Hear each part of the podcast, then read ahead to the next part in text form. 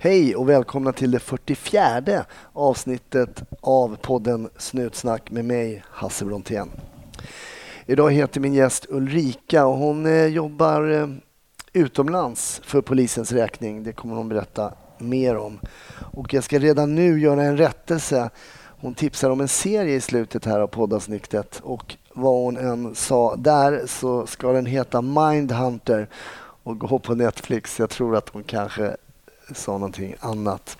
Eh, men Mindhunter ska det vara i alla fall. Glöm inte att smita in på Facebook också. Gilla Snutsnack där. Det kommer alltid lite bonusmaterial. Det uppskattas om ni hänger med där också.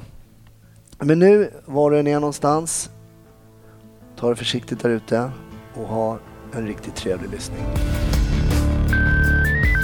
1310 570 kom. 1310 Odengatan kom. Ja, det är uppfattat. Vi tar det. Slut. Bra. Klart slut.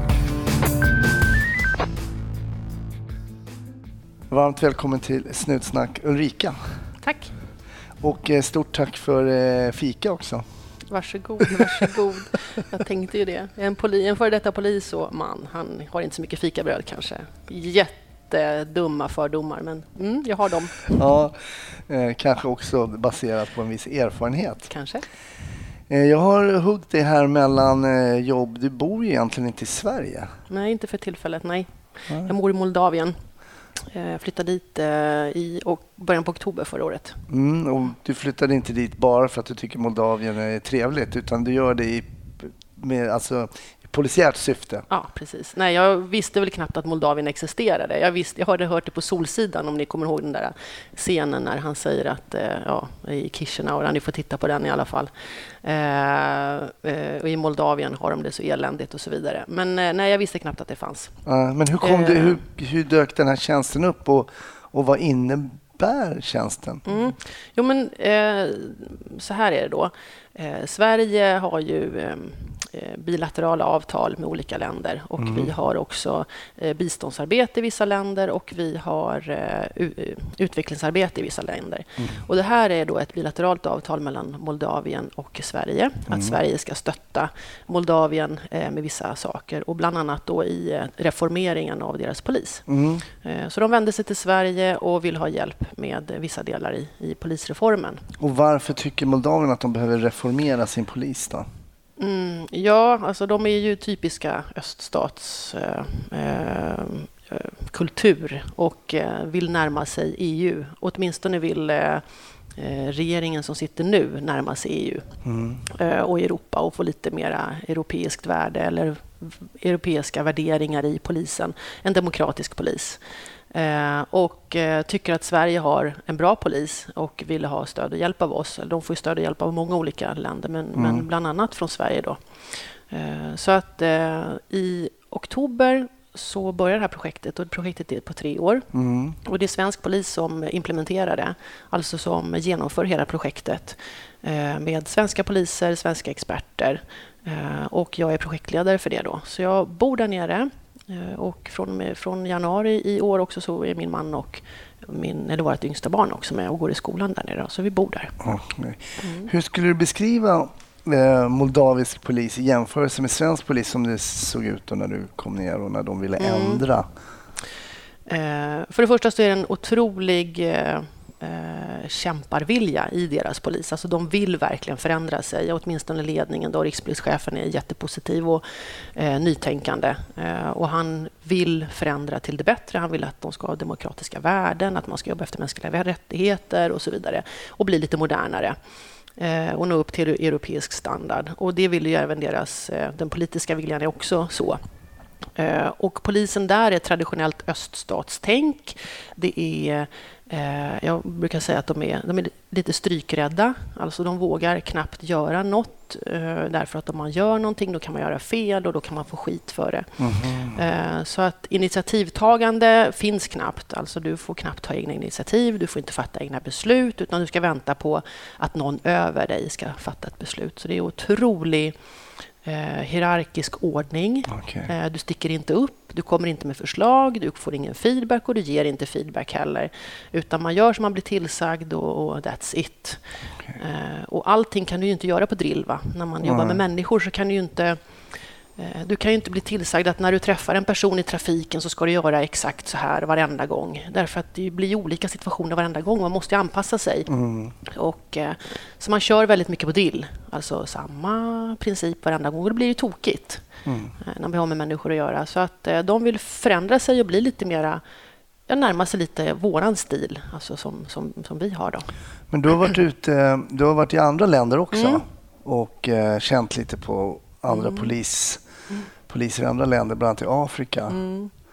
Jo, mitt, mitt, det här äventyret, jag har ju varit polis sedan 1991. Mm. Så det är 27 år, herrejösses. Alltså, det är faktiskt idag, eh, 27 år sedan, jag klev innanför grindarna. På dagen? Mm, på POS, 12 augusti. Mm. Ehm, men 27 år, då hinner man göra rätt mycket. Mm. Och eh, 2007 så åkte jag ut till eh, Darfur eh, i Sudan. Eh, det var då när Sudan var ett land. Eh, nu är det delat. Och då åkte jag till Darfur eh, och bodde i tält eh, på en militär eh, kamp kan man väl säga då, med massa nigerianska soldater och poliser. Jag var den enda vita kvinnliga polisen där överhuvudtaget i hela den missionen som var då. Och då jobbade jag för EU.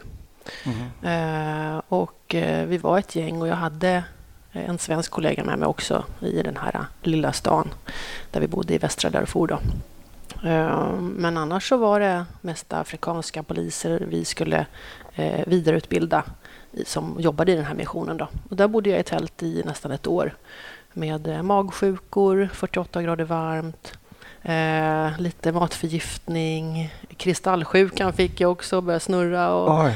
Ja, eh, men, men eh, ja, och då träffade jag otroligt mycket eh, afrikanska poliser Mm. förstås som var där för Afrikanska unionen och jobbade. Träffade jag dem och mycket från eh, typ Jordanien och eh, Libanon och så vidare.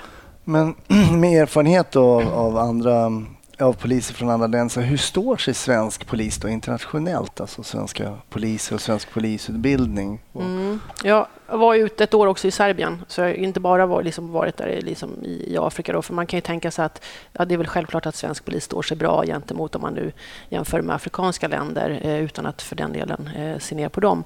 Eh, vi har olika sätt att, att arbeta. Mm. Eh, men, men jag var också i Serbien och jag har ju träffat enormt mycket poliser från eh, bidragarländer. Mm. Både från England, Tyskland, eh, Österrike, Spanien, USA.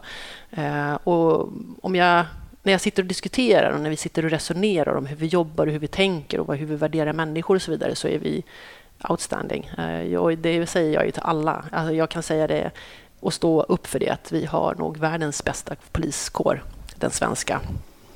Vi har grymma eh, sätt att se på... Alltså vi, har, vi har bra värderingar, vi, har, vi är grymt duktiga, vi har enorm kompetens. Eh, vi eh, vi har, eh, har jättebra vidareutbildning och även fast nu jättemånga av mina kollegor här hemma beklagar sig över att man inte får vidareutbildning när man ska ha och så vidare så är det, har vi mycket mer än vad många andra har. Men kan du säga det när till exempel det hände här nu för någon vecka sedan när en ung pojke sköts som hade visat sig senare hade Downs syndrom till exempel. Hur, hur kan det vara så? Hur kan svenska poliser vara så bra och en sån sak hända? Mm. Alla, därför att vi är människor. Mm. Alltså det är bara så. Jag tänker att det, den händelsen hade kunnat hända eh, i princip eh, när som helst eh, med, med vem som helst om det var under vissa förutsättningar. Och de här förutsättningarna var tydligen där och då.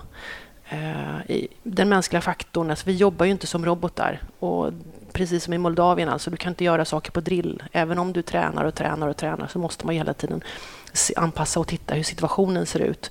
Eh, och jag kan inte säga, eftersom jag inte var på plats, och det säger de flesta poliserna, vi kan inte avgöra, vi kan inte säga hur de här människorna, de här poliserna tänkte eller vad som hände. Eh, jag kan förstå att det avlossas skott. Eh, Det kan jag förstå eftersom jag har varit i olika situationer själv där man har varit väldigt pressad och man ser saker som senare visar sig vara felaktiga. Eh, Men det sker ju i alla länder. Mm. Alltså det sker ju eh, överallt och med alla människor. Skillnaden är att vi, vi har en bra värdegrund. Alltså vi, har, vi har en jättebra värdegrund. Vi bemöter människor på ett jättebra sätt. Sen kan det ju finnas situationer, felaktig, alltså fel situation, fel tillfälle, eh, fel konstellation eh, av människor tillsammans, så blir det tok. Eh, och eh, ja, alltså misstag begås ju av alla. Det, det, det, det, det skulle ju vara jättekonstigt om allting bara funkar som på löpande band. Mm. Om det aldrig blir något misstag överhuvudtaget. Mm. Uh, Men det är en oerhört, uh, i alla delar, sorglig händelse givetvis. Fruktansvärt, och, fruktansvärt för alla. Framförallt för den här familjen mm. givetvis. Men jag kan tänka mig att alla de poliser som var inblandade här skulle göra väldigt mycket för att ha den här händelsen ogjord. Ja, och jag, jag eh, känner att eh, det kanske också är på sin plats att säga att vilken polis som helst eh, i Sverige kan stå för att hade man inte känt något hot i den här situationen, då hade man aldrig skjutit. Nej. Alltså måste de här ha uppfattat ett hot. Och mm. sen varför eller hur det kom sig att de uppfattade det här hotet, det har ju inte vi någon aning om. Nej. Ingen av oss. Men, men, men det kan jag i alla fall säga att eh, vi är inte ute och skjuter folk Nej. bara för att. Eh, det, det, det, sker ju inte. Men det kanske sker i andra länder. Mm. Mm. Eh, händelser som är bara för att man är homosexuell så blir man skjuten. Mm. Bara för att man är en annan religion så blir man skjuten. Alltså det, men så, det, det, så är det ju inte i Sverige. Nej. Nej. Nej, man har sett att det har varit i sociala medier som man pratat om avrättning och mm. arkebusering och så vidare. och så vidare. Jag tycker att det är väldigt starka ord och svensk polis eh, sysslar faktiskt inte med, inte. med sådana saker. Nej. Inte på någonstans. Alltså vi, har, vi står oss högt. När vi, när vi blir granskade alltså utifrån också så, eh, så står vi oss högt. Alltså vi har bra renommé eller man ska säga status internationellt. När, när man kommer utomlands och jobbar, och det kan jag, tror jag att alla poliser, svenska poliser som har varit utomlands och jobbat eh, kan, kan stå bakom, det är att när vi kommer, då säger de så oh, vad bra, en svensk, då vet vi att saker blir gjorda på rätt sätt. Vad bra, en svensk, då vet vi att, ni, att det finns de som jobbar och, och vad tryggt det känns att ha er svenskar här. Alltså det är de kommentarerna man får. Mm. Så att jämförelsevis med andra länder så är vi faktiskt enormt bra. Jag tänker vi kommer komma tillbaka lite mm. till Moldavien, men jag är ju såklart nyfiken på varför du började jobba som polis, Ulrika. Mm. Hur kommer det sig? Ja, eh, det därför har jag funderat på jättelänge. Alltså, ja. Eller jättemånga gånger. Eh, många som har frågat mig så varför blev du polis och jag har ju inte ångrat en dag. Nej. Alltså, jag har ju 27 eh, år. Alltså fatta. Mm. Det är helt, det är ju liksom jättelänge. eh, och, ja, och jag du kan inte här, nog poängtera hur länge det är. Nej, jag tänkte så här, herregud, alltså, jag är ju fortfarande... Men, ja. men, nej, men eh, jag vet inte faktiskt varför eller vad det var som fick mig liksom att söka. Nej. Det kommer jag inte ihåg. Men jag vet att när jag gick på gymnasiet så skrev jag ett brev till svenska läraren, eller alla i klassen fick skriva ett brev till svenska lärare vad man skulle göra och vad man skulle bli och sådär. Då skrev jag i det här brevet, tydligen, för jag fick det flera år senare efter jag hade slutat så skickade hon det till oss. Eh, då skrev jag att jag skulle bli journalist eller polis. Mm. Mm. Eh, och det visste inte jag att jag hade skrivit i det brevet. Mm. så att det fanns väl någonstans där.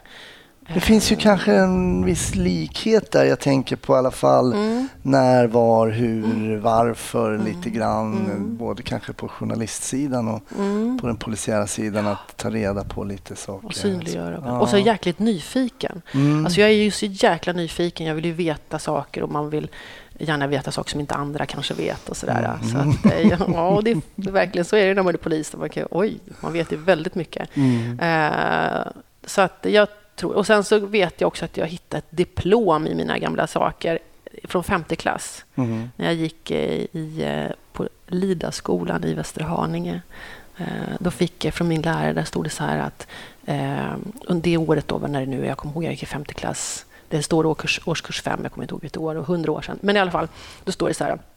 Ulrika utsedd till årets polis. Mm. Och, då tänk, och då står det så här, för att jag håller reda på de andra barnen. Okej. Okay. Så, så det, liten... så det finns en liten minipolis där. Den har funnits, var du så eh, skolpolis också? Eller? Nej, jag var inte det. Nej, det, det, det blev lite mycket där. Ja. Men att tala om för alla andra vad som var rätt och fel, det var jag nog bra på. Så då är du uppvuxen i Västerhaninge? Mm. Hur var det då? Hur var din uppväxt? Eh, Ja, men jag känner nog att det var bara bra. Mm. Jag trivdes bra där. Mm. Jag är uppvuxen med min... eh, Mina föräldrar skildes ganska tidigt så att jag och min lilla syster växte upp i Västerhaninge. Eh, och eh, ja, och sen så började jag jobba inom resebranschen efter gymnasiet och började jobba som guide och åkte runt och var bussguide för pensionärer runt om i Sverige. Och, Jaha, i ja, Sverige. visst. Så, Så jag fick inte ens åka till Kreta? Nej, utan det var i Sverige. Så bara, ja, men nu kommer vi till eh, Karlshamn eller ja, titta nu på höger sida så ser vi Vadstena kloster. Och, ja. Okej. Ja. Men kom du in på första eh, Nej. ansökan? Jag sökte, jag sökte, jag jag jobbade som lärarvikarie faktiskt i Göteborg ett tag. Mm, Eh, för min, min mamma bor där och mina två andra syskon bor där. Så jag bodde nere hos dem några år, och, eller ett, ett tag, och då sökte jag in för Göteborg. mm, Eh, och då var jag 21 och då sökte jag in och då sa de att Nej, men det är klart att du ska bli polis Ulrika, men du behöver nog mogna lite. mhm. Eh, och det tyckte jag var lite jobbigt att Mm. höra. Det Jag borde var ju, de ha sagt till Jag mig var ju också. så jävla bra tyckte jag. Va? Ja. Men, men de sa att det är klart att du ska bli polis och det är klart att du ska söka igen. Men försök att jobba eh, med människor ett tag till så, så ska nog det här gå bra. Så jobbade jag på en resebyrå ett år till, tror jag det var. Mm. Och eh, sen sökte jag in och så när jag var 22, då, året efter, så kom jag in från Stockholm. Så jag började jobba eh, i Farsta Mm. sen direkt efter första året på, på grundkurs 1 där på Hur var polishögskolan då? Ja, men du vet när man är 22, där, det var ju fantastiskt roligt. Bara likasinnade människor som älskar att träna och, ja, och så. så att, eh, och diskutera. Mm. Diskussionsbenägna. Mm. Ja. Ja. Så att, eh, ja, Så en bra tid. Mycket bra tid. Fantastiskt roligt. Men hade, då hade du också... Och som singeltjej, vet du. Va? Fantastiskt. Det fanns en del eh, killar på skolan. Mm. Ja, Ja, och sen och även ute då när man jobbar. ja Mm. precis. Ja. Hade du någon tanke kring vad du ville göra sen efter när du var färdig polis? Eller var det bara så här, komma ut i Ja, uniform men alltså, och gripa jag ville jobba folk? uniform hela livet.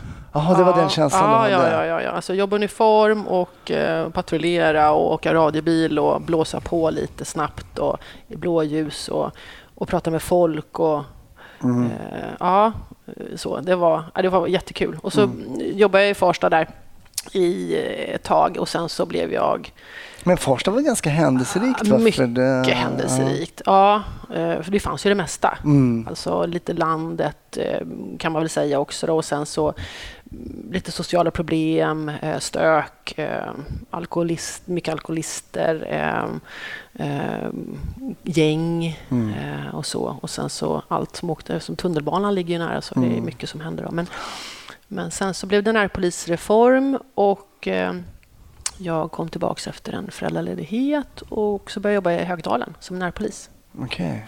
som var ännu roligare. Jaha. Alltså vilket närpolisområde.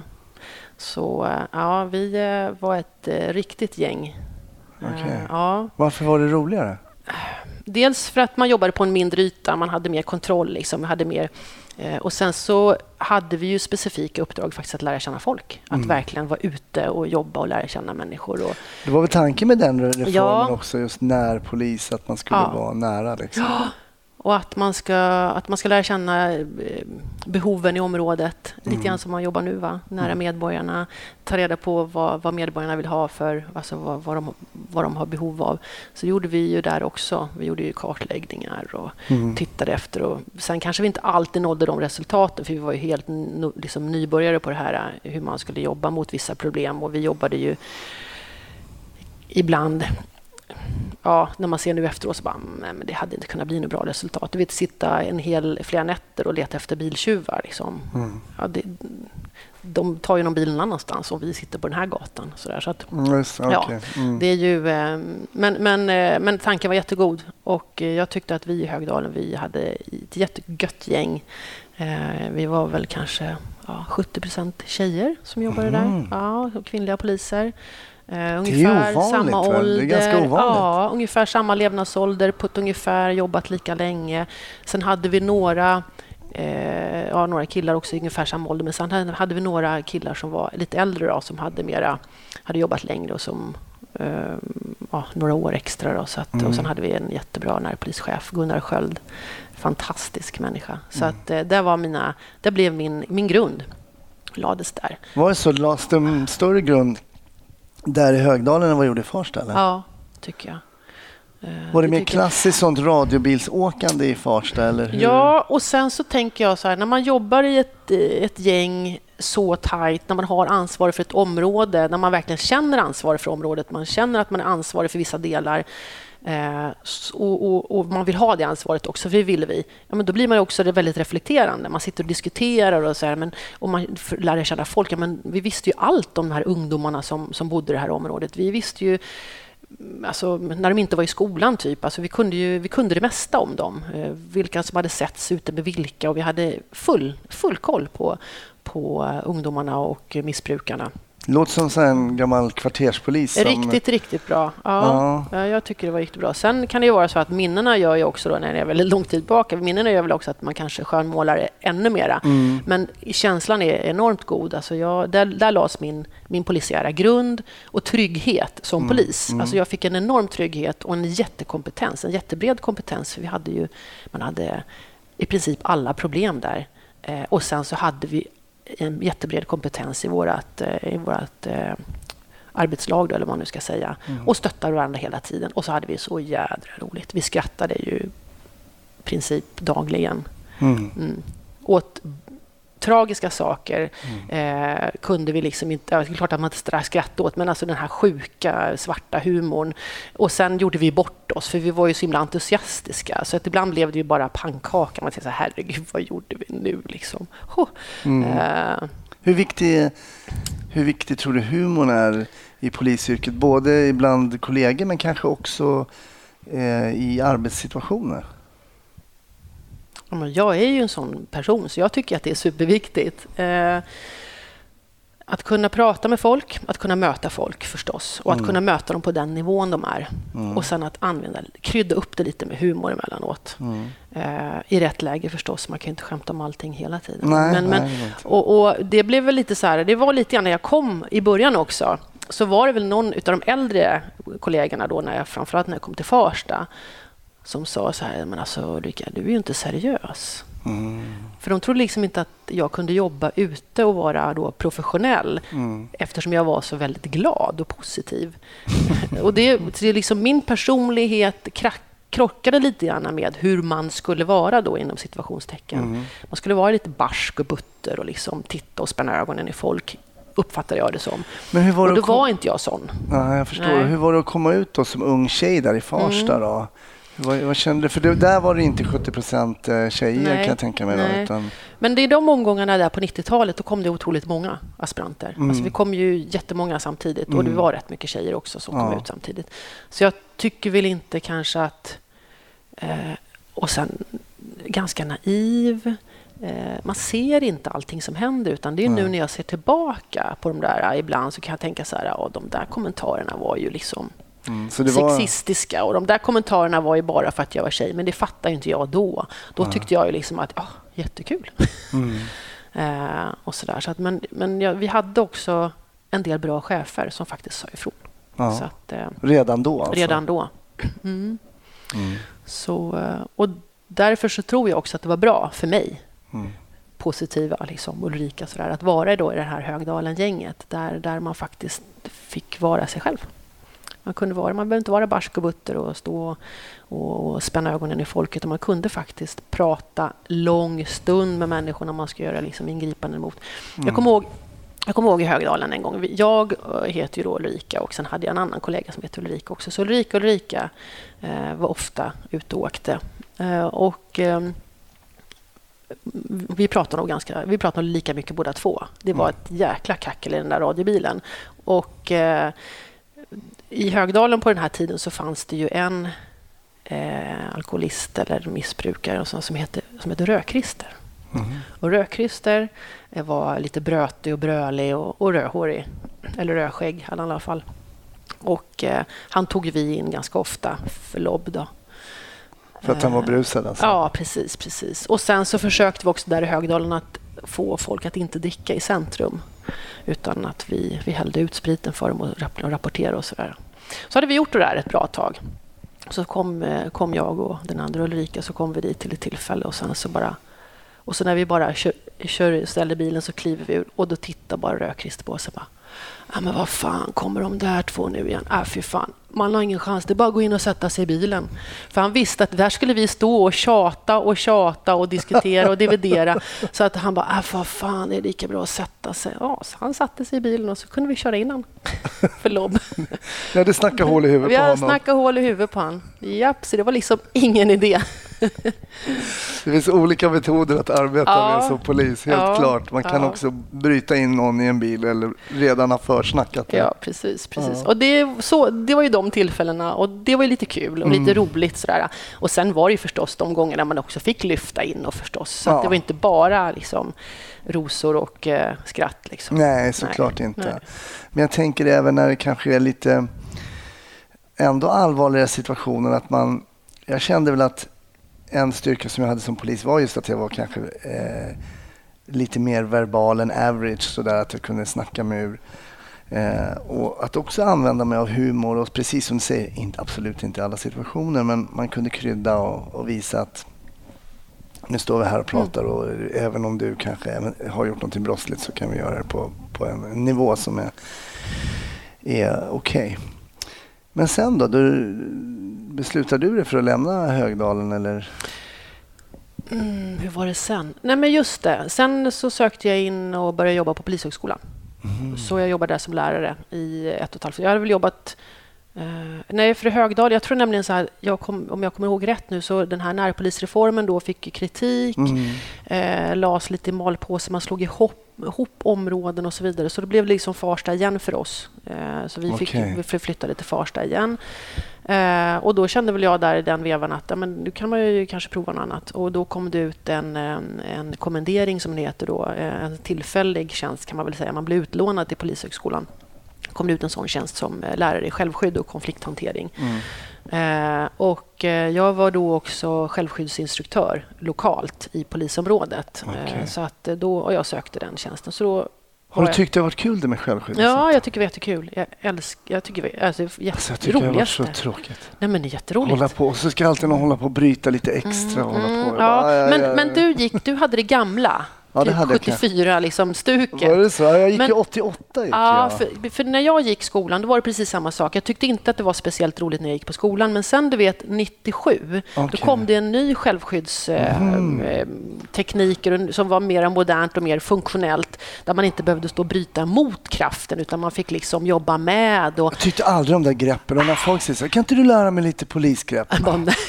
Alltså, jag tycker inte ens de är bra. Det var nej, någon... nej, de var inte bra då. Alltså, man höll på att slå ihjäl folk. Alltså, Ja, förr, förr då, där. man ramlade ner och man slog sig själv och det var armbågar och man gjorde illa sig och folk for i backen med, med nosen. Och, ja. Det enda jag kommer ihåg som faktiskt funkade, det var så här, om någon skulle ta stryptag mot Mm. en vägg så skulle man liksom vrida sig undan med, med armen och då kunde inte ens den starkaste liksom så här, hålla emot. Nej, nej, precis. Eh, Eller så- om man håller någon, äh, håller någon runt handleden så ska man bryta upp mot tummen. Man ska liksom dra iväg. Ja, just det, just det. Men, men, men det, det, när du gick och när jag gick så var det liksom det gamla. Okej. Eh, men, men sen 97 så förändrades det och jag tror att jag gick en av de första eh, utbildningarna till att bli instruktör då. Jag var höggravid också när jag gick den instruktörsutbildningen. Så där åkte man i backen med mag. Ja, herregud. ja, det är en annan historia. Men i alla fall, så, att, så jag sökte in på skolan och började jobba där då ett och ett halvt år som eh, ja, instruktör eller lärare i självskydd och konflikt- konflikthantering och fysisk träning. Hur var det då? Jätteroligt. Det var det? Ja, alltså men jag, du hör, jag tycker allting är kul. Alltså jag tycker allt som jag har gjort är jätteroligt. Eh, det är bara vissa dagar man åkt ner i dippen, men, liksom, nej, men det var jätteroligt. Ja. Jag tyckte det var kul att vara i en annan miljö. Mm. Jag tyckte det var roligt att vara på, på Sörentorp, på Polishögskolan. Där, fantastisk miljö. Jag älskar att träna, kunde träna själv jättemycket. Mm. Jag hade ju hur mycket förutsättningar som helst. Eh, och jobba med poliseleverna som bara ville bli poliser. Alltså Mm. som bara längtade ut. Och så kommer jag där och så kan man dra sina anekdoter. Eh, man kan säga, ja men så här är det på riktigt. Och de bara, "Åh", du vet, de suger in allting. Ja, det är som att vara Alltså, astronaut blir så här, på en "Ah." astronaututbildning. Alltså liksom. det ger så mycket tillbaka och så får man sån gött, god känsla i själen, tycker Ja, jag, ja. när man känner att man kan hjälpa människor att utvecklas. Och, Och du fick göra det praktiskt. Jag Ja. kände, jag var ju också polislärare under några år och det kändes ju väldigt uppskattat att man också kunde hänvisa som du säger. Men, men du fick göra det också praktiskt Ja, liksom, ja. och det kan jag tänka mig att det uppskattades kanske ännu mer. Ja, då. visst så det. Det var, det var så jäkla kul. Och sen höll jag på med boxning den här tiden också. Så att jag var nog, jag var lite duktig på liksom de här andra eh, lite ja, tuffare grejerna också. Så jag boxade. Vi hade mycket boxningsträning, eh, inte för, för självskyddets skull så, utan mer för träningens skull, Mm, alltså mm. fysiska träningen. För det är inte så att vi ska gå ut och boxas, men, men, men vi hade bra träningar. Men vad bestod den här konflikthanteringsutbildningen i då? Eh, Det var mycket det här med hur man ska bemöta människor. Mm. Alltså att eh, det här med eh, hur man bemöter för att man ska reducera eh, behovet av att använda våld. Alltså att jag, jag, så som jag bemöter dig i den här situationen och vad behöver jag för att, för att för att få det jag vill Mm. utav den här situationen och, och, utan att behöva använda så mycket våld. Och behöver jag använda våld så måste jag ju mentalt tänka efter, klarar jag av det? Och i sånt fall, vad ska jag göra? Alltså, och de här kvicka, alltså jäkligt snabba besluten man måste ta Mm. utifrån sig själv. Eh, vad, man, vad man själv står och vad man har för, för förmåga och kompetens och så vidare. Eh, och sen då eh, rena tekniker. Alltså rena tekniker, ingripande tekniker, hur man ska stå, hur man ska gå, hur man ska jobba med varandra, hur, hur jag och du som kollega, hur vi ska liksom titta på varandra, hur vi ska liksom veta vad den andra gör och hur man, mycket det här med vad man har varandra för att vi ska vara säkra som poliser också. Inte bara att gå in och göra det vi ska, utan faktiskt vi ska också vara säkra så att det inte händer någonting för oss. Ja, det där är jätteintressant. Du berättade att du och Ulrika åkte mycket och när man åker mycket med någon så får man ju en trygghet och man känner den personen och man känner kanske till och med vilket läge den är i privat. Ja. Och man, det är ju en, en, en, en väldig liksom trygghet i yrket. Ibland mm. behöver man bara titta på det. Okej, nu vet du precis det jag vet. Att här måste vi kanske använda lite våld, försöka lägga ner den här personen på marken. Man behöver nästan inte säga Nej. det. Och det är klart, jobbar man med en helt ny person då måste man börja om från scratch. Och då måste man också ha några tekniker för att... Mm, precis. Och då är det mera det här man repeterar och repeterar och repeterar och vi, och vi repeterar ihop och sen om vi byter partner och så vidare och jobbar med någon annan så kan man i alla fall teknikerna. Men jag vet ju fortfarande inte vad du tänker och känner. Nej. Och det är, liksom, det är en jätteviktig nyckel. Har du jobbat någon gång med någon kollega och åkt någon pass med någon som du kanske inte känner så bra? Känner att det har liksom inte gått i kugghjulen riktigt, riktigt eh, på något sätt? Ja, nej, ja, jag flyttade upp till... ehm, eh, Jag la ner det här med skolan där ett, eh, efter ett tag och sen så flyttade vi upp till Dalarna eh, 2001 och började jobba i, i Borlänge på polisen där. Och där jobbade jag i yttre tjänst i två år då, i radiobil. Och där kände vi att det här var helt annat. Det tog jättelång tid innan jag liksom kuggade i. Ja. Eh, kom jag då, Stockholmspolisen, som var van att kunna trycka på larmknappen, du vet, och så kom det massa bilar, eller jag är van att jobba på ett speciellt sätt. Och det tog tid för mig att eh, inte springa in i situationer. Det var då liksom, jag kände att jag inte hade kläm på hur de jobbar. Just det. Eh, och då blev det nästan varenda pass. Och då hade vi också, när jag kom dit, så jobb, hade de börjat jobba. De jobbar inte turlag längre, utan de jobbar efter såna här planeringsschema. Du vet, man planerar så att man jobbar med olika varenda gång i princip. Eh, inte så fruktansvärt många poliser uppe i Borlänge, så att ja, man jobbar ju ihop ändå med samma flera gånger. Men alltså, det blev inte varje, det blev inte att man satt och kunde personen utan och innan Nej. utan man jobbar med ny. Och då tog det tid faktiskt. Det blev lite sådär, ja, men här tycker jag att vi ska göra så här. Nej, tyckte den andra. Och så blev det nästan diskussion. Alltså hur man ska, det, blev inte, det var inte alls bra. Nej. Så bara att studsa här två, tre timmar från, från Stockholm så är det ett helt annat arbetssätt och man måste liksom i alla fall vänja in sig lite grann som att byta från iPhone till Samsung. Det tar en liten tid. Exakt. Ja. Nej, men på något sätt att, att, att, att ta ett steg tillbaka och kolla, fasiken, hur gör de här? Mm. Alltså hur... Eh, liksom vilken fart har de? Mm. Hur, hur kliver de in i situationer? Gör och kliver? Alltså, Mm. eh, och det var nog det var ett par Stockholmskollegor som kom ungefär samtidigt och många förundrades över att jädrar, ja, vi måste nog eh, faktiskt eh, tagga ner lite. Jag, kan, jag, jag, kommer att tänka på en händelse just när du nämner den här skillnaden. Därför att när jag jobbade på den här rave-kommissionen så var det många distrikt ute i landet som var intresserade. Men jag tror att när ungdomarna festar hos oss så är de också, tar de också ecstasy och LSD och sen kan ni inte komma och hjälpa oss. Och vid ett tillfälle var vi uppe i Luleå. Så då åkte vi upp en sån grupp, vi var sex poliser och jobbade så precis som vi gjorde här nere i Stockholm på och det blev ju High Chaparral alltså. Vi klev in som vi brukade göra och vi visade våra brickor. Här får komma undan liksom. Bara, det gick inte. Då. Nej. Så det var, det var väldigt, väldigt tufft alltså. Men, eh, men där var det ju bara också att jag kom in och sa så att jag, ja, jag är från polisen och då hörde de, vadå är du det 08? Vem tror du att det är? Ja. Liksom, ja, men det kan inte jag för faktiskt. att jag fick den här, den här dialekten. Men bara det att man liksom yppade där så låg man ju på minus. Verkligen. Mm, Mm. Så att, Nej, eh, men, men så var det att komma upp dit, det måste jag säga. Eh, och sen eh, kom jag tillbaka till precis det där alltså, min positiva sätt att vara. Jag var ganska glad och sprallig och sådär. Fortfarande, fast jag hade jobbat många, många år, tänkte säga, så hade inte det gått ur kroppen.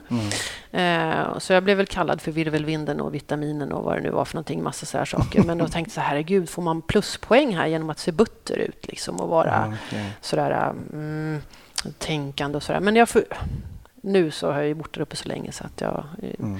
nu har blivit liksom- riktigt butter. Jag blivit jättebutter. Nej, det verkar inte alls så faktiskt. Men vad var du på väg här nu polisiärt då? Du hade ju, nu var du i skolan och sen kommer du upp Mm. till Dalarna. Är det fortfarande samma tänk här, eh, uniform livet ut? Mm, eller? nej, kanske inte livet ut, men jag jobbar uniform och sen jobbar jag ju då lite grann också med självskyddsutbildning fort, Mm. fortsättningsvis också där uppe i Dalarna. Jobbar Mm. lite med det. Eh, nej, sen blev det av en händelse, eh, tror jag, ja, det var faktiskt en, en uppmuntran från någon, en, en av cheferna där. Tyckte att jag skulle söka en tjänst som gruppchef för eh, ungdomsgruppen. Mm. Så då gjorde jag det. Så då jobbade jag som gruppchef för ungdomsgruppen i Borlänge i fyra, fem år. Mm. Ja, och sen så... eh, Och då när man jobbar med ungdomsärenden så får man jobba på ett helt annat sätt också. Mm. Alltså det går inte att klampa på med till ungarna. Alltså man, må, man måste ha fingertoppskänsla och prata med dem på ett specifikt, speciellt sätt. eh, Möta dem, verkligen möta dem. Och inte bli provocerad, för de älskar att provocera. Ja, ja, Speciellt absolut. poliser älskar att Mm. bli provocerade. Jag menar, det vet, jag är ju tonåring själv. Jag älskar att provocera föräldrar, men att provocera poliser, det är liksom...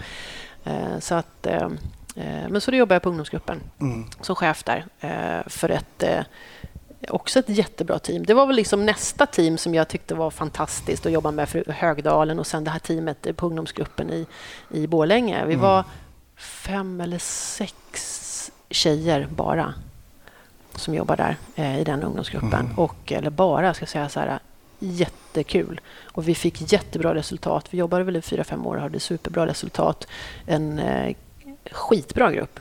För Eh, Borlänge är lite känt, man tänker Ja. spontant på familjen och kriminella. Ja, men lite, de var liksom lite de var lite- passé de var lite för gamla Ja, då, de var ja. för gamla och Mm. passé. Och... Men det finns ett, jag tänkte att det finns ett rykte om alltså kriminalitet Mm, att man i Borlänge, att man ska Mm. vara lite så, men det kanske... Men då var det lite grann tillbaka som till, närpolisområdet i Stockholm. Okej. Alltså, Borlänge, ja, det har liksom sin historia och, och fortfarande är det liksom inte fridens liljor. Men det är ändå hanterbart Mm. eftersom det är en liten stad. Det är lite grann som när jag jobbade som närpolis i Högdalen. Alltså Mm. man, kunde, man kunde folk, man visste vilka människorna var Just hyfsat. Ja. Eh, man, också en liten polisstation, så man pratade ihop sig. Man visste vad... Man kunde diskutera och man kunde berätta för varandra. Och liksom, det var inte mycket information som åkte emellan. Liksom. Eh, så vi hade nog bra kläm på det där. Och så visste man ju liksom att om man om man då bland de här ungdomsgängen, om man siktade in sig på en viss del eh, och fick bort några individer, då blev det lugnt ett tag. Alltså det var som, jag tänkte så här, det var som att rensa ogräs i rabatten. Du vet, det var jäkligt snyggt i rabatten länge när man hade fått bort det där ogräset. Sen kommer det ju nytt förstås, men man kunde liksom hålla det stången. Eh, och så, så det, och det syntes ju direkt. Det märktes ju, man fick ju effekt direkt när man bara fick bort ett par, tre indivi- individer. Och så är det ju inte i, i Stockholm till Nej. exempel. I. Du får du bort ett par, tre individer här så syns det ju knappt. Men, men, men det är ju det som var så himla roligt att jobba där som närpolis då i Högdalen och, fram, och även uppe i Borlänge och jobba med ungdomarna där. Därför att fick man bort några stycken så, så märktes det. Alltså kändes skillnaden, Ja, det liksom. kändes skillnad direkt. Eh, och sen kom det förstås nya, men man kunde ändå liksom ha hyfsad kläm på det där. Mm. Så att, eh, det var kul. Jag brukar ju fråga mina gäster, Mm. eller be dem ta med sig en historia som eh, under alla de polisiära åren som har påverkat dem Mm. på ett eller annat sätt. Mm. Ehm, har du tänkt på den? eh, Har du tänkt på någon historia som, som du skulle Mm. vilja delge? Mm. Och det var ju så jäkla många historier. Jag tänkte så här, gud, det är så mycket knas man har varit med om. Eh, man skulle ha skrivit en bok, Mm. eller hur? Från Det första var början. därför det blev den här podden, för jag Ja. skrev ner alla mina knasiga historier. Så tänkte jag, men jag kan ju fråga, varje polis har sin och då får Ja. vi de men mest precis, intressanta precis. kanske. Ja, men någonting som har påverkat. Mm. Och det finns ju jättemånga eh, historier som är sådär att man skrattar. Mm. Eh, man tänker, herregud. Eller makabra. Mm. Eh, men en historia som hel, eller en, en, en incident som har funnits kvar eh, och som jag tänker på faktiskt lite när och då. Mm. Liksom inget speciellt alls egentligen. Men när jag jobbade i Högdalen Mm. så eh, kom vi, det var i Högdalen centrum och det här måste ha varit i slutet på 90-talet. Eh, och vi jobbade då, det här, några, jag tror vi var ett par, tre, vi var nog tre eller fyra eh, poliser som jobbade den här. Vi åkte den här, en buss som vi hade där i Högdalen. Eh, och eh, det här var mellandagarna. Kanske kan det ha varit 98, 99 kanske. Kan det ha varit ja, mellandagarna någonstans där. Ehm, och eh, vi får att i Högdalen centrum så är det en, ambulansen som är och hämtar en kvinna utanför, eh, i princip utanför polisstationen så har hon signat ihop i någon form av anfall. Eh, och, så, ja, och vi var ju precis där, för vår polisstation ligger där, så vi var ju där och pratade med ambulansen och då har hon eh, fått någon form av anfall efter att ha druckit för mycket alkohol. Då. Och den här kvinnan, inte vet jag hur gammal hon kan ha varit, men hon hade i alla fall en sexårig son bredvid sig. Och eh, den här sexåriga sonen, när mamman liksom ligger där och studsar och skakar och, och fradga, så säger han till henne så här, men mamma, eh, du vet att polisen, eller ambulansen kommer ta hand om dig. De kommer åka med dig till sjukhus nu och sen kommer det bli bra, ska du se mamma. Han tröstar alltså henne, sex år gammal, och hon har det här anfallet. Och vi tittar bara på varandra, så, det här, så här ska det inte vara. Så det här är inte, då är det inte det här första gången. Eh, Och vi tar hand om honom, så vi sätter honom i bussen eh, och får hemadressen och så åker vi till hans hemadress som är i vårt polisområde. Då.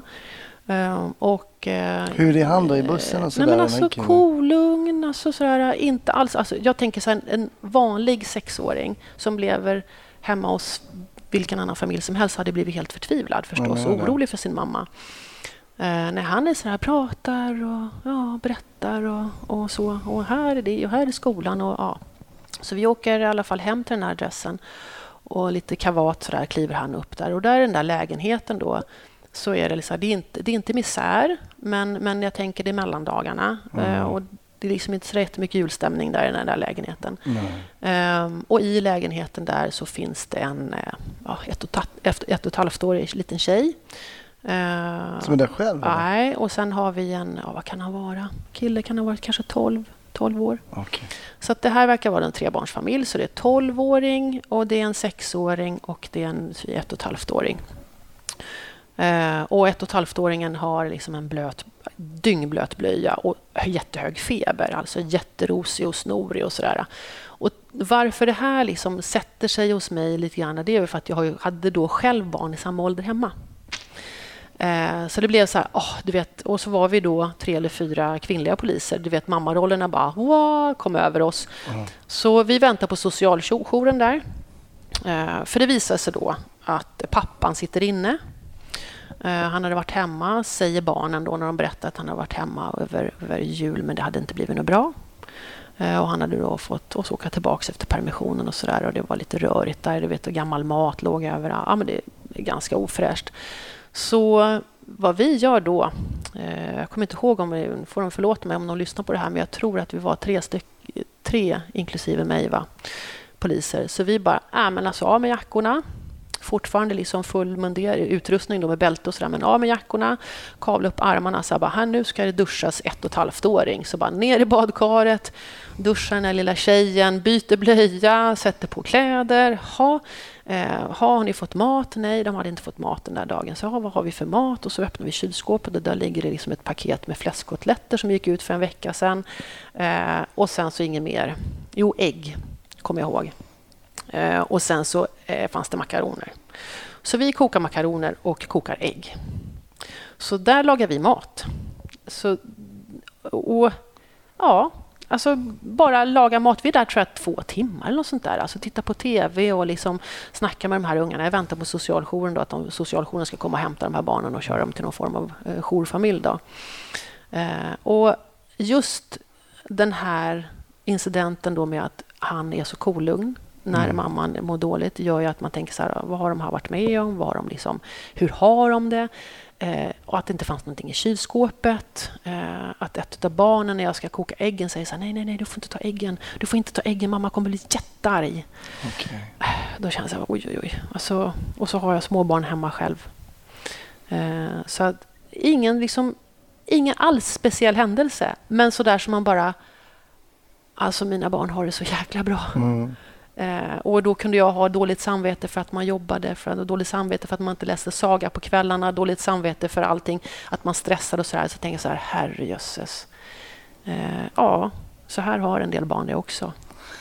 Men jag tänker att ni gjorde, det säger vi gjorde ingenting, men eh, det är jätteintressant tycker jag, den kommentaren, för att jag tänker lite vad de här tre, i alla fall två barnen Mm. kommer väl ihåg det här kanske. Att det var tre poliser hemma Mm. som eh, bytte blöja Mm. och som duschade av minstingen, som lagade mat åt Mm. oss och som underhöll oss då kan jag tänka mig. Mm. Ja, det berättades historier och det. Ja. Ja. Vad tror du att en sån här grej kan ha för liksom eftersvallningar för de här barnen? Du säger att ni inte gjorde någonting, men jag tror att det kanske inte stämmer. Nej, jo men, jo men det är klart att vi... Men alltså det var ingen sån här... Det är ingen häftig machohistoria. Det var så jag menar. Och det är liksom Nej, jag ingen förstår så här, vad du menar. Så, men, men nej, det är klart att vi var ju människor. Och vi var vuxna människor och vi visade omtanke om de här. Eh, Jag, om jag inte missminner mig nu, så var det en av kollegorna faktiskt som var i den här, den här situationen tillsammans med mig, som berättade för mig att den äldsta pojken var med på någon sån här eh, anordnad dag som polisen anordnade och han hade då kommit fram till henne och sagt att han ville bli polis när han blev stor. Och det här var väl något år senare. Eller något sånt där. Så att nog hade det liksom en impact eller eh, en påverkan så på, på dem. Det, det, det kan nog ha för sexåringen och tolvåringen. För Absolut. jag tänker på om vi, om vi tänker på, ni lyssnare som har lyssnat på avsnittet innan det här så var det Lars-Göran blev beskjuten och det gick 12 skott tror jag genom bilen och de klarade sig. Och den, den händelsen är oerhört dramatisk och ehm, på alla sätt och vis alla polis eh, och så sätter jag citattecken då, action på något sätt. va? Ingredienser. Men den historien och den händelsen efter sista skottet är avlossat och folk eh, liksom lugnar ner sig och det här traumatiska sig över och sen får man ta tag i det. Men då är den händelsen död. Alltså den händelsen den kommer inte längre utan en, utan en eventuell polisutredning såklart. Men den händelse som du berättar nu, den lever och den kan leva väldigt, väldigt länge. Och det är därför jag när jag ber folk om en händelse så säger jag så här, det behöver inte vara action, det behöver inte, jag vill vara någonting som faktiskt du tänker på. Och därför tycker jag det är väldigt intressant att du berättar den här historien. Nu var det ju tre kvinnliga poliser här berättar som kommer Och in det är jättedumt upp. att jag säger så. Varför, det, Nej. varför säger jag så? Kvinnliga poliser. Alltså vi är poliser och jag försöker hela tiden säga så här, vi är poliser, alla är precis lika och sådär. Ja, men vi Men är ändå. ju ändå olika. Ja. Alltså män och kvinnor, vi är olika. Och vi, vi är ju till biologin olika och det, det kan vi ju inte liksom... Det kan vi ju inte ändra på. Och Vi är också, Och jag är den gamla skolan, så jag är uppfostrad olika också tror jag. Ja, men jag tror att om jag hade varit med, om jag hade fått vara en av de här så hade jag gärna hakat på. Mm. Så jag tror inte att det behöver Nej. vara eh, alltså, så stor skillnad. Alltså. Sen, sen så tycker jag att det är en underbar historia. Och, och jag tror absolut, du får aldrig säga att ni inte gjorde någonting där. För det, Nej, och det, nej, och det, det- gjorde vi nog för att den kände, det ligger ju kvar hos mig. Exakt, I mitt finns- hjärta. Och den finns ju här och den kommer finnas hela livet tror jag hos mig. Precis. Eh, Alla andra såna här blodiga historier om vad man har varit med om knivskärningar och så, det är borta. Det faktiskt ligger bakom. Ja. Men den här finns alltid kvar och jag tänker på de här barnen jätteofta. Och de är vuxna nu. Mm, precis. Eh, Och eh, ja, jag hoppas att det har gått superbra för dem. Ja. Och att eh, någon kanske blev polis eller något vårdande kanske. Ja, nej, men precis. Och det visar ju en del av polisyrket som väldigt sällan står i tidningarna om. Det står inte sådär att eh, igår eh, bytte polisen blöja på en ett och ett halvt-åring, vilket ju var väldigt fint gjort. Eh, vilket det ju var då. Men det, det, det, här är ingenting som man tror att folk är speciellt intresserade av. Men kanske just nu så gör någon något liknande. Mm. Mm.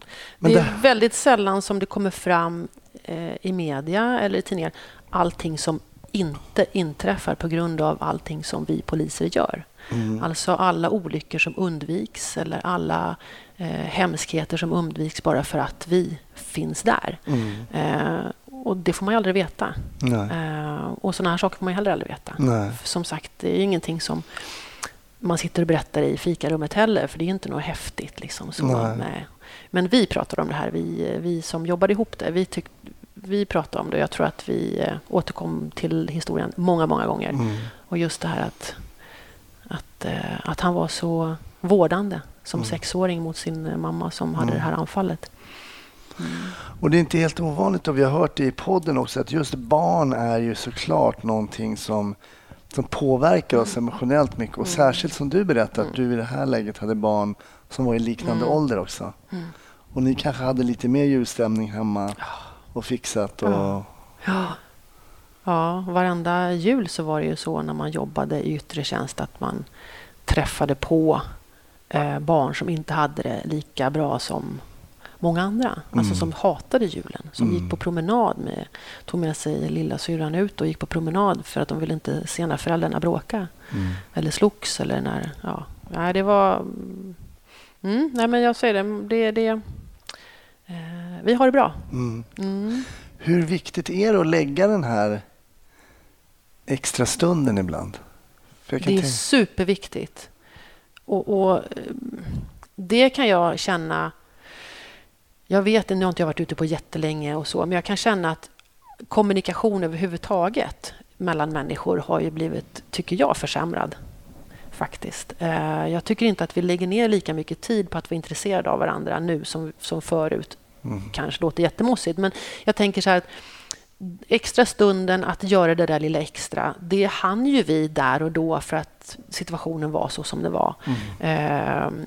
Jag tycker att vi hann det ganska mycket på den tiden. Alltså mm.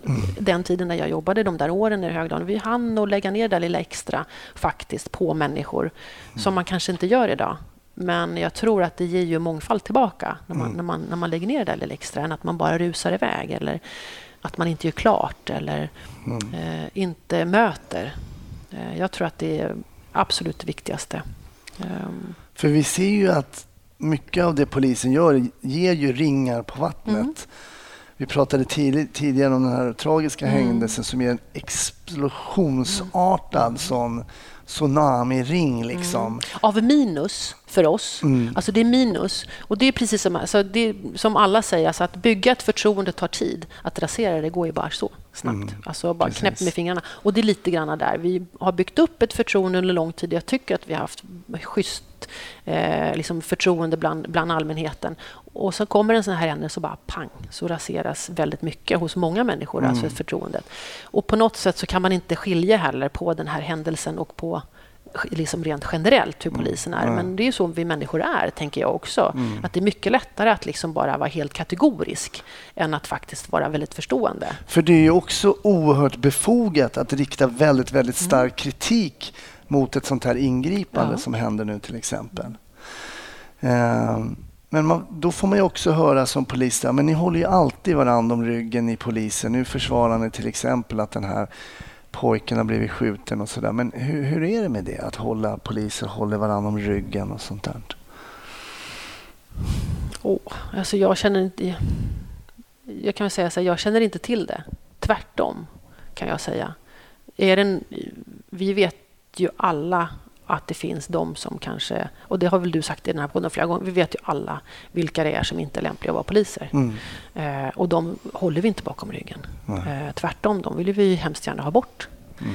Eh, så, men samtidigt så har vi en enorm förståelse för hur man agerar därför att vi själva varit i samma situation, därför att vi har en förståelse för arbetets liksom, komplexitet, eh, därför att vi har eh, alltså man har ju mycket mer kunskap och kompetens om, på, på, det här, på det här specifika området. Och det är inte att hålla om ryggen, men det är att förklara mm. kanske varför en sån här sak kan hända. I, och jag försvarar absolut aldrig en sån händelse. Jag kan inte försvara den därför att jag vet inte vad det finns att försvara. Nej. Försvarar, tänker jag, det gör man väl om, någon, om man vet att någon har gjort fel, men att man ändå då på något sätt mm, förklara kan man göra. Man kan mm. förklara att så här, det här kan hända. Mm. Eh, men det kunde också ha gått på ett annat sätt. Det är ju liksom som jag säger, ibland så är det bara liksom universum snurrar liksom åt... Och så blev det den här eh, fel tillfälle, fel person på fel plats. Eh, och, och, så kan det ju vara ibland. Mm. Alltså, det är ju... Eh, eh, ja, mm. det är tragiskt, men, men eh, tack och lov så är det sällan. Mm. För det är någonting som återkommer i media, så man pratar om kåranda. Och ja, mig, fy. Ja, det alltså, Jag tycker det är jädra skitord. Mm, jag gillar inte heller det faktiskt. För mig har ju den andan inom polisen varit väldigt, väldigt god och mm. eh, positiv. Mycket positiv. Och faktiskt, alltså, inte kårandra, men alltså, på något sätt så är det faktiskt så att det här jobbet är inte som andra jobb. Nej. Alltså det är inte som andra jobb. Alltså ena dagen så kan du, som, som jag säger, man kan stå och byta blöja på, någon, på, på ett barn.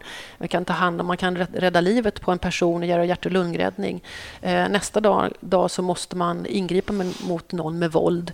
Eh, man ser enorma tragiska eh, förhållanden. Alltså det är så här högt och lågt hit. Man slits mm. som människa. Eh, och då måste vi ha stöd i varandra. Mm. Och att, att ge varandra stöd och eh, förståelse eh, det, har vi, det, det, tycker jag det är hyfsat gott inom polisen. Alltså det är vi bra på. Mm. Eh, men då om folk vill kalla det för, för kåranda, liksom, att nej, det, jag tycker att jag gillar inte riktigt det. För det är en negativ klang, mm. åtminstone när media skriver om det. Mm. Kamratskap har vi, en mm. enorm kamratskap som är stöttande. Men samtidigt så är det faktiskt så här att idag vill jag påstå, så är det också så att är det någon som kliver utanför ramarna då gör vi, försöker vi göra det mesta för att den ska faktiskt kliva innanför igen. Alltså att inte vara där ute och, och göra de här knepiga sakerna. Och om inte annat så är det ingen som vill ha en sån person inom mm. polisen. Alltså, eh, jag har exempel på som, som jag bara säger, fy fasiken, jag skulle göra allt för att den där personen ska försvinna. Mm. Eh, faktiskt. Därför att det gör ingenting gott. Nej ingenting gott. Eh, och jag menar, det är ju mig. Jag blir ju nedsvärtad också. Just, ja, jag blir nedsvärtad såklart. för att någon annan trampar fel. Ja, men titta bara, jag får tio år efter yrket stå ja. till svars. Eller hur? Mina kollegor, hur kan du försvara det här och hur kan du försvara det? Ja, men, men vänta nu, jag, jag jobbar faktiskt inte ens som polis, men jag får fortfarande liksom stå till svars för det. Men det är klart, det är lite så. Känslan tror jag det är lite sådär en gång polis, alltid polis. Att jag, för jag har ju, besitter ju ändå en kunskap med 20 år i yrket. Liksom. Eh, det blir ju så. Men hur har då de här åren av kan man säga, social misär som du har sett, du har sett död, du har sett blod. Eh, hur har det påverkat Ulrika som, som person? då? Tror du, tror du att det har gjort det överhuvudtaget? Mm, ja, jättemycket förstås. Mm. Eh, eh, jag tror inte... Nu kan, det är väl inte så, men jag, jag tror inte att jag... Alltså jag är kanske en har, är väldigt extrovert person. Mm. Eh, och så, men jag tror att jag... Vad ska jag säga? Eh, hur har den påverkat mig? Den har nog påverkat mig så tillvida att jag eh, är inte naiv. Nej. Nej. Jag kanske inte eh, tror på precis allting som slängs framför mig.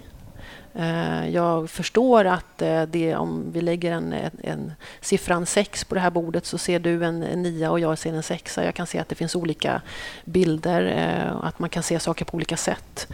Um, och, um, och sen så att faktiskt det finns många, många människor i Sverige som inte mår bra. Mm. Och som har, kämpar varje dag med att bara leva. Mm. Och det tror jag det finns många som inte förstår. Mm. Eh, och när vi möter dem så kan det uppstå en viss friktion förstås. Mm. Men jag tror också att jag blivit ganska orädd. Jag tror att jag tror du också känner att när, alltså skulle det behövas gripas in någonstans så gör man det. Mm. Alltså man backar inte, Nej. kliver inte undan. Eh, jag tror också att jag, blivit väldigt, att jag är väldigt tydlig med vad jag vill. Mm. Alltså det är inget snack. Så det har verkligen påverkat, påverkat yrkesvalet? Ja, för 17. Men det är inte så konstigt. Jag är uppfostrad. Alltså, jag, jag är ju stöpt. Jag var ju 22. Mm. Alltså, nu är jag nästan 50. Det Men du har inte blivit cynisk då? Eh, nej, jag tror inte det. Nej. Jag tror inte det. Inte cynisk så. Cynisk tycker jag är, det är ett, också ett väldigt tråkigt ord. Ja, det är väldigt negativt. Jo, det är ju Eh, det, men att det är lite så här att, ah, vad fasiken, det finns inget hopp Nej, och allting precis. är svart och så där. Och det är det absolut inte. Jag älskar fortfarande mitt jobb. Mm. Jag tycker att det är fortfarande jätteroligt att träffa människor. Jag tycker fortfarande att det är en fantastisk arbetsplats, även fast det finns jättemycket att jobba på. Eh, Jag tycker att det är jättekul att jobba med människor. Och skulle jag eh, bli tillfrågad att åka radiobil så skulle jag sätta mig i en radiobil och, och, och sätta på mig uniformen och åka radiobil. Lite tveksam om jag skulle köra för nu ser det ut som en jädra sån här cockpit där Ja, inne i de där bilarna. precis. Så det är så mycket grejer i den där radiobilen nu. Förut när jag, när jag åkte då var det bara den här kryckan man Ja. skulle dra i. Liksom. Ett hack så blinkar och Ett två- hack så blinkar och två så tutar det. Nu är det liksom knappar och grejer överallt i fasiken. Så att, eh, jag tror inte jag skulle klara det. Och du vet GPSer och fan hans moster. Så Ja. att, nej, jag skulle nog sitta på radioplats och inte prata radio. Jag kan sitta i baksätet. Ja, Tredje så. man. Tredje man, precis. Och så kan jag gå ut och bara bli lite arg så här emellanåt om det behövs. Eller, eller stå och prata med folk. Men jag skulle inte banga för att vara med och jobba ute i tjänst. Det Du håller på att forma den perfekta tjänsten. Eller hur? Men om vi går tillbaks nu, vi backar ända tillbaks till Moldavien för Ja. du är ju på väg dit igen. nu, Ja, va? jag åker tillbaks den 20 nu. 20 augusti Ja, alltså. sonen börjar skolan där nu. I, eh, han går i amerikansk skola där eh, i Chisinau. Och vad händer med, med dig då? Vad ligger du i, i den här planen liksom för de här moldaviska poliserna? Vad kommer du göra nu under hösten? här? Ja, men vet du, de ska ju införa närpolisverksamhet. Tada! Som i Högdalen? Högdalen. Ja. Eh, Högdalens-konceptet kommer till Chisinau. Nej, men, men eh, det är, vi ska införa närpolisverksamhet. Eh, och jag har svenska experter som kommer ner och hjälper mig där och, och håller utbildningar i det och coachar dem. Eh, Och sen så ska vi också införa en, eh, en del av Polcon, alltså den här eh, våran taktiska och utbildning som vi har med taktiken och mental förberedelse och konflikthantering. Så den ska de också få ta del av. Nu ligger de på en grymt låg nivå liksom ingångsmässigt. Så att vi måste liksom vi måste skrapa bort väldigt mycket av det vi har här i Sverige. Liksom. Det går inte att, att gå in med den höga nivån som vi har här i Sverige utan vi får verkligen börja från början där. Eh, Eh, men de ska få eh, bli bättre beslutsfattare eh, i, i hårda, tuffa situationer och eh, mentalt förberedelse och så vidare. Eh, Och sen så har vi också en del där vi jobbar med ekonomisk brottslighet. Eh, korruptionen är ju grym i Moldavien. Alltså Den är ju överallt. Till och med på dagis måste du muta. Oj. Eh, Sjukvården måste du muta. Alltså allt. Eh, Så att vi ska jobba med ekonomisk brottslighet men då jobbar vi fra- framförallt med penningtvätt. Så närpolisverksamhet ska de få. Eh, De ska få eh, liten utbildning med taktik och mental förberedelse och så vidare.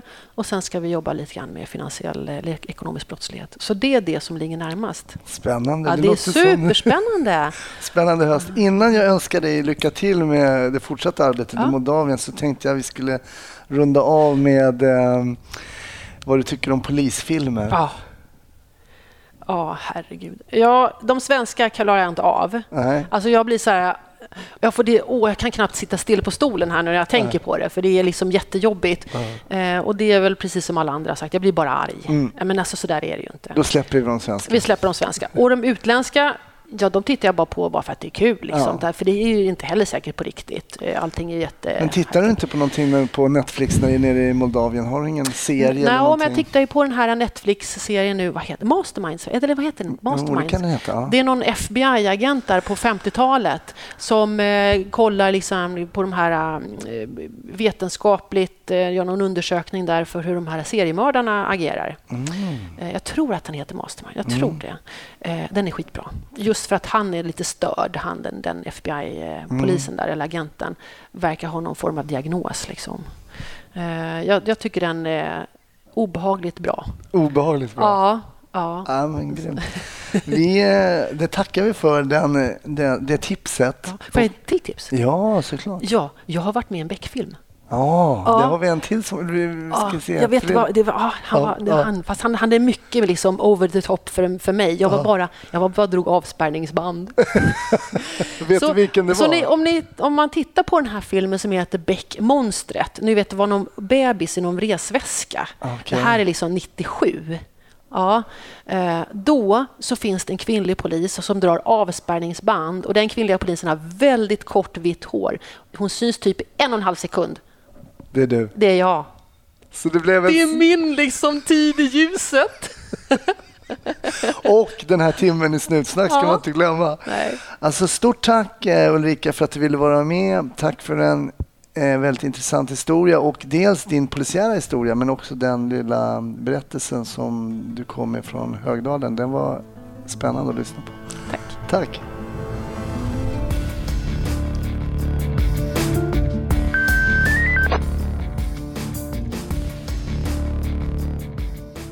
Tack för att du lyssnade på Snutsnack.